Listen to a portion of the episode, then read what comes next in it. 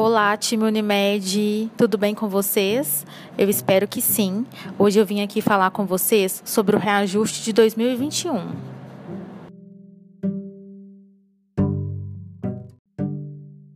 Como vocês já devem estar sabendo, a ANS definiu que os planos de saúde individuais ou familiares regulamentados terão percentual de reajuste negativo em 2021 ou seja, haverá uma redução nas próximas mensalidades. Qual foi o índice estabelecido, né? O índice estabelecido para desconto é de 8,19% e ele será válido para os contratos que fazem aniversário de maio de 2021 a abril de 2022.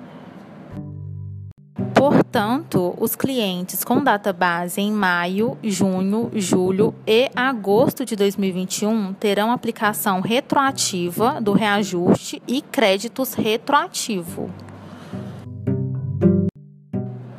Mas atenção, vai funcionar da seguinte forma: caso o cliente tenha boletos vencidos e já gerados sem o reajuste, o pagamento deverá ser realizado e ele receberá o crédito retroativo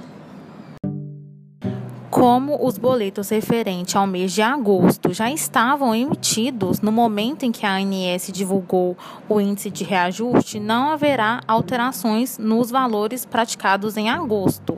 A aplicação da porcentagem negativa do reajuste e os lançamentos dos créditos retroativos ocorrerão a partir do mês de setembro, ok? Para maiores informações, não deixe de acessar nossa base de conhecimento busque por Reajuste 2021 Contratos Individuais.